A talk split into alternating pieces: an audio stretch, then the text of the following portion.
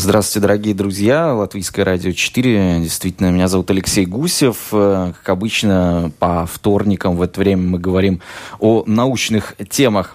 Э, сегодня э, вот о чем речь пойдет. Наверняка вы знаете, что внешнее электричество и магнетизм проявляют себя совершенно по-разному, но на самом деле теснейшим образом связаны между собой, и заслуга окончательного слияния этих двух понятий принадлежит Джеймсу Кларку Максвеллу, разработавшему единую теорию электромагнитных волн. О Максвелле и его уравнениях мы сегодня будем говорить вместе с ведущим исследователем Института физики Латвийского университета Андресом Церберсом. Добрый день. Добрый день. Очень рад вас видеть в нашей студии. На сайте lr4.lv, напоминаю нашим слушателям, идет видеотрансляция. Кроме того, там есть кнопка «Написать в студию». Соответственно, нажимайте, если хотите задать нам вопрос, э, будем э, принимать и буду их переадресовать. Напоминаю, в эфире Латвийского радио 4 сейчас э, программа «Теория всего». И слово «эфир» тоже я сейчас не случайно употребил. Оно же к Максвеллу имеет прямое отношение. Правда, когда он жил и творил эфир, вот и имелось нечто другое, более конкретное, а не столь абстрактное. Ну, вообще-то эфир, наверное, существовал и до Максвелла, угу. поскольку нужна была среда, которая передает взаимодействие. Я где-то читал, что даже Ньютон, который действовал примерно лет сто до Максвелла, э, задавался вопросом, каким образом тела на большом расстоянии друг на друга действуют. И тогда он предлагал некую модель или теорию – когда это взаимодействие передается через некую среду, которую назвали эфиром. Был ли Ньютон первым, кто ввел это понятие? Э, судить э, не берусь, но факт то, что но Ньютон эти свои размышления о природе гравитации никогда нигде не публиковал, это были просто его такие размышления, как говорят, в стол. Заметки на полях. Да. А, понятно. Ну, может быть, мы еще к этому тоже вернемся и дойдем до того, что вот э, нужно было действительно Максвеллу определение эфира и самого его понятия, и то, что он из этого вывел, оно весьма значительно, но потом, как выяснилось, можно было и без эфира обойтись. Да. Хорошо. Но, э, наверное, да, на, на, начнем мы, наверное, все-таки с того, вот, э, собственно, э, что предшествовало Максвеллу, потому что, естественно, он уже опирался на некоторые экспериментальные результаты других ученых и исследователей. На самом деле их было достаточно много. Да. Давайте об этом Слушай, расскажем. Ну, я бы еще вернулся еще раньше. Ну, к теме эфира, на самом деле. Хорошо, давайте. И скажу, почему. Э, ну, так, значит, нужна была какая-то среда, через которую передается, чтобы свести дальнодействие, когда тела действуют друг на друга, дали друг от друга, к близкодействию. Следовательно, нужна была какая-то среда, э, через которую это взаимодействие передается. Ну и в тот период э, Максвелла э, понятие поля не существовало. Но было понимание, что такое течение жидкости, что такое упругие деформации. И тогда э, всяким образом люди с, э, хотели свести э, это дальнодействие близкодействие через э, свойства вот этой, вот трудно сказать, э, какими свойствами обладающие, через э, свойства эфира. И в этот момент на самом деле там был решен огромное количество чисто гидродинамических задач, которые и по сей день ну, они теперь э, рассматриваются как задачи чистой гидродинамики. Скажем, Стокс решил, решил задачу о движении твердой теле, э, твердой шара э, в жидкости. Нашел силу сопротивления, которая до сих пор используется почти в каждом более-менее физической работе. Также есть так, понятие так называемых э, сфер Бергнеса, когда э, колеба, колеблются два тела в жидкости и начинают притягиваться друг к другу. Ну и там в этой области поразительно много было действий, которые на самом деле интересны с точки механики и по сей день, потому что они очень остроумные, так сказать, создавали механические модели. И И Максвелл, он не был единственный в это и пошел по этому пути, и он связал, сперва начинал с э, магнитного поля. Он сказал, что магнитное поле связано с вихрем.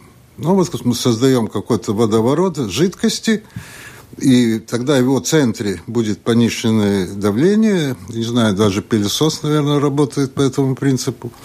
И, значит, вот магнитное поле – это что связано с этим вихрем? Ну, с этими вихрями, значит, надо заполнить всю среду. Все вращаются более-менее в одном направлении, поскольку поле однородно. Но это никак нельзя было понять, что в одном направлении два вихря вращаются, там возникает резкий скачок э, э, скорости. Ну, чтобы, так сказать, это дело решить, он вел подшипник как бы между этими вращающимися. Но эти подшипники, если вращение двух вихрей происходит с разными угловыми скоростями, приводят к тому, что эти маленькие шарики, которые подшипники, он начинает кружить вокруг этих квадратов. Это он связал э, с электрическим током. Тогда еще не было такой ясности, как сегодня, когда мы знаем, что ток – это движение каких-то заряженных частиц, электронов и прочее. В тот момент, что такое заряд, нам это даже трудно представить. Э, полного понимания и на самом деле не было. Тогда считали, что электричество и магнетизм – это явление разных природ, э, или как правильно выразиться. То есть ну, их не увязывали напрямую. Да, да. И комбинацией вот этого вихря и вот этих э, круж... э, э подшипников маленьких частичек ему сразу привело к механической интерпретации известных до сих пор э, до, ту время уравнений для магнетизма. Он просто из этой механической модели их получил. Ну и обобщая постепенно свою эту механическую модель, он вывел то, что мы сегодня знаем э, про эти э, что знаем про электромагнитное поле. Ну, а потом оказалось, что ему не нужно вообще эта среда. И эти уравнения начали э, существовать сами по себе. И в этот момент ну вот возник тот э, кардинальный шаг, который был сделан Максвеллом, что кроме каких-то материальных тел существует еще одна вид материи, как э, это поле, которое может существовать и вне в зависимости от э, присутствия каких-то частиц и прочее. Да, действительно, ну, если мы все-таки немного о предшественниках Максвелла поговорим, как я предлагал сначала, то mm-hmm. вот насколько важен был, например, в 1820 году эксперимент Кристиана Эрстеда, который продемонстрировал, что провод, по которому течет электрический ток, отклоняет магнитную стрелку компаса. То есть это, вот, наверное, был ну, такой первый да. шаг, который натолкнул. В том числе. Ну, на, еще, наверное, для Максвелла самого. Они встречались э, в жизни, насколько я знаю. Э, очень большую роль играл Фарадей, конечно. И многие понятия так считается, принято э, ну, в историографии физики, что, так сказать, Максвелл математически обобщил то, что Фарадей – открыл экспериментально. Да, якобы говорят, что у Фарадея вообще формул математических да. не было. Не ну, знаю, верить этому или нет. Ну, возможно, да, что это так. Да. А, ну, хорошо. То есть э, он а, сделал это обобщение, а потом вдруг э, эти уравнения, когда еще к некоторым э, общим местам привел, вдруг получилась скорость света. Это вот как вышло? Э, это очень э, тоже интересный вопрос. Э, в этих уравнениях, которые Максвелл вывел, существовало понятие об... Там большую роль играла система измерения. Как определяется электрический заряд. Его можно определить через закон Кулона взаимодействия двух зарядов э, закон взаимодействия магнитных полюсов. Ну и тогда оказывается, что э, отношение единиц э, размерности магнитного электрического заряда, она просто равняется некой скорости. И люди измерили ее. и она оказалась э, близкой э, скорости света. Ну и когда э, Максвелл выводил свои уравнения, у него, естественно, существовали понятия магнитного заряда, электрического заряда. Оно присутствовало в теории, и он увидел, что это уже измеренное кем-то ранее э, отношение этих зарядов, которые есть э, скорость, размерностью скорости, это просто скорость света. Ну и тогда Естественно, что он получил из своих механических моделей, что в среде могут распространяться волны. Это он вывел. Для этого ему нужно было добавить к тому, что я уже говорил о моделях магнитного поля, еще сказать, что эти вихри обладали упругими свойствами. Ну, в упругой среде, как э, мы знаем, распространяется звук и прочее. Но интересным оказалось, что именно вот присутствовало это постоянное отношение э, этих э, магнитных электрических зарядов, которые имеют э, это отношение и скорость света, если измерить экспериментально. Но это привело к тому, что это да, к какому выводу это привело, на самом деле? Ну, э, то есть, когда мы поняли, что эти цифры совпадают, ну, мы, наверное, ну, а, они, что... ученые того времени, то есть, э, ну, что, эти... что это значило вообще? Ну, что это электромагнитное поле может существовать и вне всяких... Э, источников его, да? Ну, где-то источник. Просто в вакууме может быть оно. Ну, да, ну, в этом самом абсолютно никакого эфира не надо. Это не так, что вот какой-то заряд создает поле, без заряда ничего, его просто он исчезнет. То же самое относится к явлению этого, который упоминали э, Эрстеда, ток, и создает поле, и выключим ток, и не будет э, поля. А тут выходит, что эта волна, она существует и живет, если так угодно, сколь угодно долго сама по себе. То есть это был кардинальный шаг, это Эйнштейн считал, что самым существенным чисто в глобальном смысле вот понятие поля, которое Максвелл отделил от э, вещества. Ну, наверное, так оно и получилось, потому что, ну, наверное, и вот этот разговор, который слышит слушатели, тоже обязан э, этому открытию косвенно, наверное, и многие другие наши изобретения человечества, которые, э, которым мы все наслаждаемся в последнюю сотню лет существования человечества, тоже обязаны именно этому. Да. Э, с этими э, уравнениями Максвелла вообще сейчас нам очень трудно понять всю логику их вывода. Но что э, оказалось вообще неожиданным, и это сыграло принципиальную роль далее, э, что эти уравнения оказались так называемыми Лоренц-инвариантными. Давайте поподробнее, э, что быть, они проще понять. Э, можно сказать, являлись моделью, которым э, приложимы, приложима теория относительности, которую Эйнштейн разобрал уже в начале э, 20 века. Они так были составлены, написаны, что там прямо была видна эта их инвариантность относительно... Одним словом, э, эти уравнения показывали, что все явления происходят одинаково, э, э, разных систем координат, которые э, движутся друг относительно друга с постоянной э, скоростью. Так называемый принцип относительности в широком смысле. И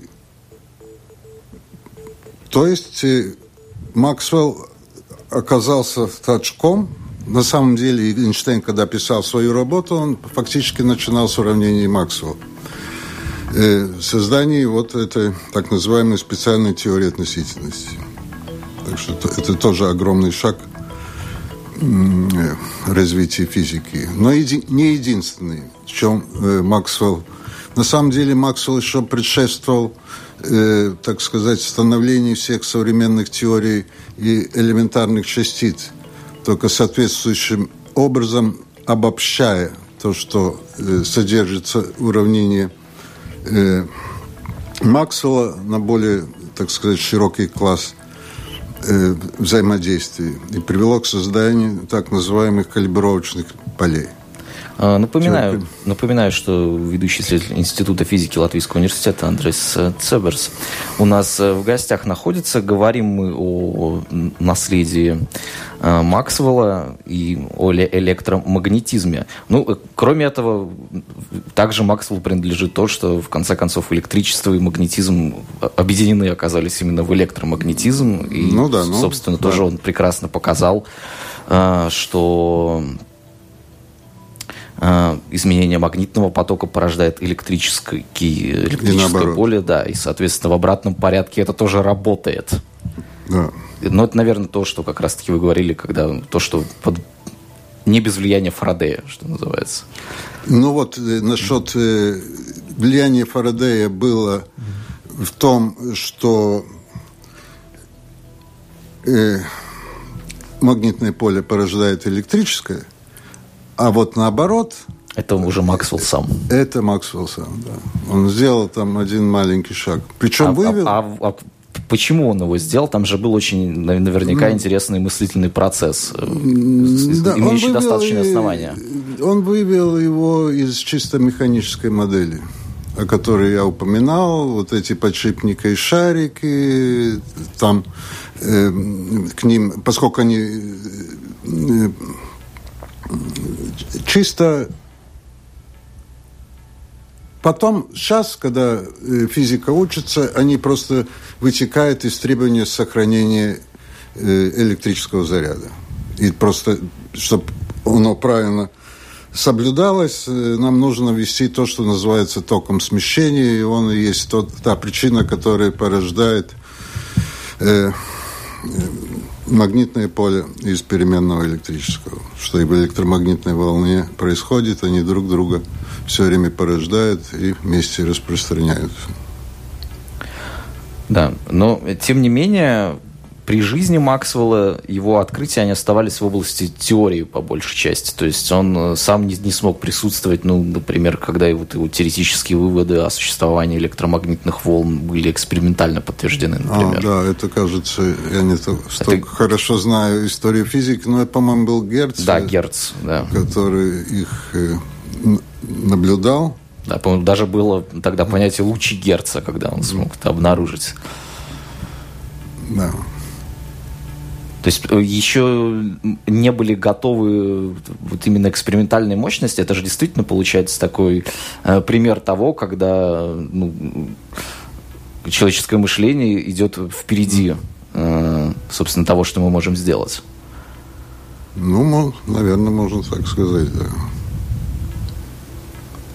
Э, хотя разные, так сказать, электромагнитные явления, которые э, связаны с волнами, волнами, уже наблюдались экспериментально. Во всей этой истории, которая на самом деле огромная, там очень много людей работало. И если можно так сказать, что все физики того времени занимались теорией эфира, изобретая механизмы, как из них, из этой теории эфира, механической, mm-hmm. изобрести уравнение Максвелла. То есть уравнение электромагнетизма. Магнетизма. Там идея о том, что вращение, связанное с магнитным полем, даже существовало. И там э, есть явление так называемого вращения плоскости поляризации. Рассмат, э, распространяется свет в некой среде, и его плоскость поляризации, ну, на, э, на, э, направлению, в котором колеблется, э, скажем, э, вектор электрического, оно поворачивается. Это люди знали. И они, э, в том числе Кельвин, хотел э, объяснить это вращением среды и влиянием этого вращения на эту электромагнитную волну. Так что на самом деле явлений, связанных с электромагнитными волнами, ну, если считать, что свет – это электромагнитная волна, это тоже был один из мотивов э, Максвелла связать электромагнит... А можем сейчас так сказать, что свет – это электромагнитная волна? Да, да. Это нет а почему вы тогда говорите «если»? Э, ну, тогда, скажем, мы, мы договорились до того, что когда Максвелл увидел там совпадение одной константы, измеренной экспериментально, и тогда он сказал, что вот эти э, его электромагнитные колебания, это на самом деле есть свет, то я хотел сказать, что явление света и влияние на него магнитного поля, на самом деле такие эксперименты делались и до этого. Заключение, что свет – это электромагнитная волна. До? До э, открытия, скажем, Максвелла, что свет угу. Но... То есть эксперименты с волнами уже да. проходили. Ну да, ну Герц, наверное, был первым, как кто в чистом виде их наблел и возбудил. Да, что ж, время нашего эфира идет вперед. Я думаю, что сейчас мы на небольшую паузу идем. После этого можно будет попробовать нам позвонить. Ну, опять же, да, использовать все средства связи, которые в нашем веке теперь доступны. Все важное и новое из мира науки в программе Теория всего. Итак, я напоминаю, слушайте Латвийское радио 4. У нас э, в гостях ведущий исследователь Института физики Латвийского университета Андрейс э, Цеберс. Э, говорим мы об электромагнетизме, открытиях Максвелла.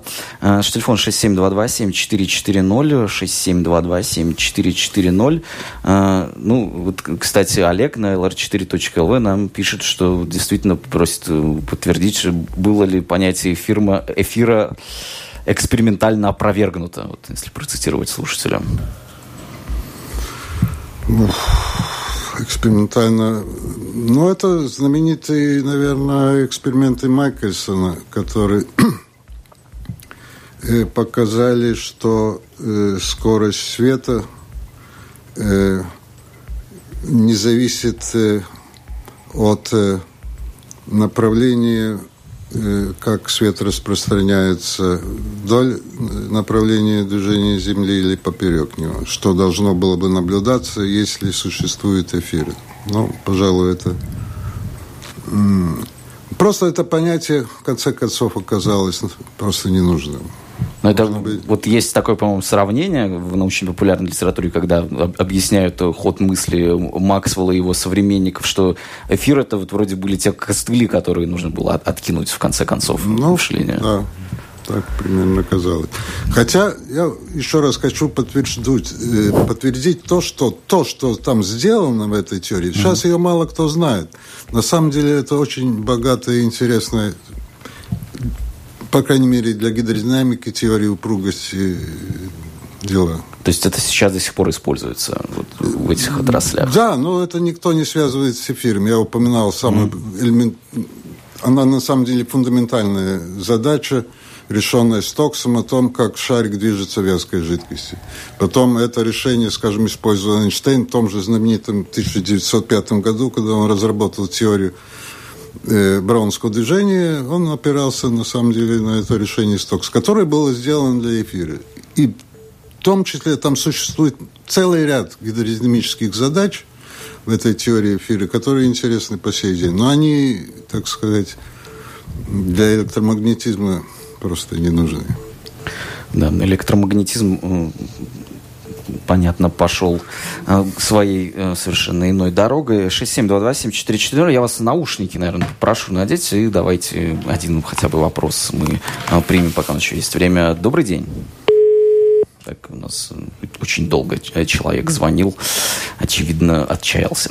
67227440. Напоминаю, ведущий исследователь Института физики Латвийского университета Андрей Себерс. И здравствуйте. Алло. Да, пожалуйста. Добрый день. Э, говорил здесь. А вот э, скорость света 300 тысяч километров в секунду. Ну, это же очень маленькая скорость, да? И жалко, что такая маленькая скорость в глобальном масштабе. Ну, прокомментируйте, пожалуйста. Ну, наверное, как с чем сравнивать? Я тоже так думаю. Почему маленькая? Сложно сказать. Я уже человек отключился от нас. Ну, Я думаю, что ну, как бы нам, наверное, сложно представить вообще такую скорость. Но считается, это говорит теория относительности, что это максимально возможная скорость. Это все основа. Да. Ну, Но... кстати, здесь есть еще вот один подобный вопрос. Э, спрашивают, интересует, распространяется ли гравитация со скоростью света? Да. Да, вот Олег, прямой ответ на ваш вопрос. Да, гравитация распространяется со скоростью света. 6722-7440. Здравствуйте. Э, здравствуйте. Когда я училась в школе, мы очень подробно изучали основы теории электромагнетизма, теорию эфира. И уравнения Максвелла, по-моему, тоже. И мне кажется, сдавали экзамен по физике. Угу. Мне кажется, что это знал каждый школьник. Чем вызвана такая необходимость сейчас возвращаться к этой школьной программе? Ну, во-первых, я думаю, что все-таки не каждый школьник знает то, что э, Я то, тоже о, немножко о удивлен, мы, что... Но у вас отличная школа была. Я, я учился в то время в самой передовой школе Латвии, первой средней школе. Но, да, но мы были физико-математический класс, э, но сами уравнения Максвелла мы не изучали, потому что нам не хватало просто математики. Хотя, если уж так поговорить, то могу сказать, когда я впервые пришел в этот девятый тогда класс, я увидел, что несколько ребят там читают э, э, книжку Рашевского «Римановой э, геометрия и тензорный анализ». Это в девятом классе. Но я на такое потянуть не мог, и я вычитал, не зная математики, впервые Э, в жизни. И единственный раз потом я никогда не возвращался. Книжку Тамма тоже очень хорошая. Основы теории электричества. Это было в школе. Но не знаю математики. В школе электромагнетизм, э, так сказать, в полном масштабе, чтобы можно было решать все математические задачи, это уже программа университета. Да, я понимаю, что ну, бакалавриат, да, действительно, наверное, на, на, на самом деле проходит э, полном масштабе в университете это изучается только в этим магистром. Угу, угу. Ну, вот, э, собственно, ответ на ваш вопрос. Но да. на самом деле теория электромагнетизма, я уже упомянул, она не теряет своей актуальности и сегодня. Это одно конкретное так называемое калибровочное поле. И когда его обобщили, тогда у нас получается вот теория э, сильных взаимодействий, теория слабых взаимодействий. То есть это следующий... То есть путь к стандартной модели. Путь к стандартной модели, да. И, и на самом деле это всегда упоминается, вот теория электромагнетизма, нам нужно сделать это и это, и мы получим... Э, так что я не считаю, что она потеряла актуальность. Э, да, 67227440 и добрый день. А, добрый день. Да, пожалуйста, пожалуйста. А, вот еще раз. Ну, допустим, э, вот насчет скорости света, извините. Это, ну, ну, давайте. Почему я говорю, что это маленькая скорость? Ну, что такое? Сон, значит, э, свет от Солнца идет 7 минут до Земли, да? И вообще, любое событие, любое событие может распространяться только со скоростью света максимально, а больше не может. И получается, мы весь мир видим, скажем, тот же звездный, ну, уже ну, который уже прошел, допустим. Да, спасибо большое. Вы достаточно очевидные вещи говорите. Это действительно так. Ну, наверное, не скорость света медленная, просто наша Вселенная огромная. Да, но было хорошо бы видеть далекие звезды очень быстрее. Очень быстро в этот но... момент, да.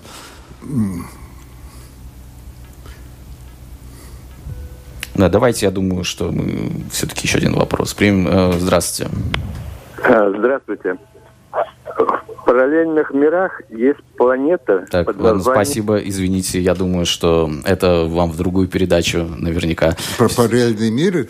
Нет, ну там уже есть планета, уже человек очень уверенно начал говорить э, про, про то, что в параллельных мирах находится, поэтому я думаю, пока это лежит вне, вне области научного знания. Ну да, я не берусь судить об этом, но так называем понятие многих вселенных сейчас очень... Безусловно, понятие мультиверса, оно сейчас да. у нас очень модное, я бы даже сказал. Да в науке. Но я не берусь судить, насколько оно. Да. Наверное, я бы вас э, в итоге попросил все-таки дать какое-то обобщение, вот э, с вашей точки зрения, что является все-таки вот какой-то ряд наиболее значительных э, приобретений, которые нам дал Максвелл, с вашей точки зрения? Что, что это? Понятие поля, это, наверное, раз. Я бы сказал, понятие так называемой Лоренц инвариантности. На самом от него происходит идея калибровочной инвариантности – который источником, вот как я уже упоминал, современной теории э, всех взаимодействий, которые существуют. Ну и, безусловно, все приложения, там это необъятное. Приложения электромагнетизма. Да, все приложения электромагнетизма. Да, и это, естественно, только со стороны э, теоретической физики, а, безусловно, а, собственно, от рентгена до микроволновки, наверное, все, все, чем мы в нашей повседневной жизни пользуемся, Отчасти мы в этом обязаны Джеймсу Кларку Максвеллу. А мы сегодня общались с ведущим исследователем Института физики Латвийского университета Андресом Цеберсом. Это была программа «Теория всего». Меня зовут Алексей Гусев. До новых встреч в эфире и всем всего доброго.